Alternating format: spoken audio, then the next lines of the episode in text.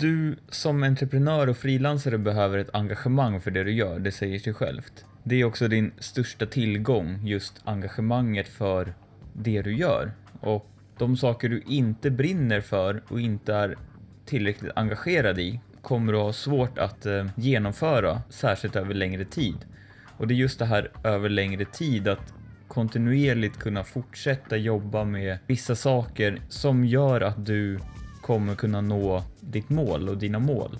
Den framgång du strävar efter kommer med tiden. Det kommer inte landa på bordet imorgon om du började igår, utan den kommer om ett år eller två eller fem år. Så just att vara engagerad i det du gör, det blir så otroligt viktigt när du sätter upp system och processer och hela ditt företag.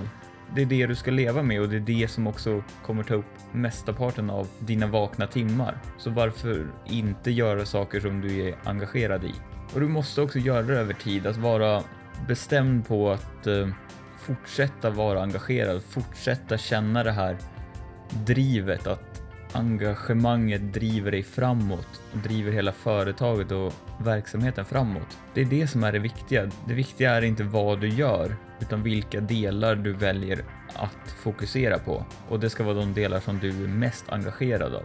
I början så kommer du behöva göra de flesta saker, särskilt om du är egen frilansare, då måste du ha många strängar på din lyra. Men så fort du kommer över den här gränsen där du faktiskt kan lägga bort arbete, antingen genom att eh, köpa verktyg eller program som hjälper dig med bokföring till exempel och planering och eh, schemaläggning, eller genom att eh, lägga ut det på entreprenad, att hyra in andra frilansare att göra det du ska göra, typ en bokförare eller revisor för sådana saker. Låt engagemanget visa vägen och eh, låt det leda dig under längre tid för att du måste vara beslutsam i att även under regniga dagar så måste du fortsätta och känna att engagemanget kan driva dig vidare.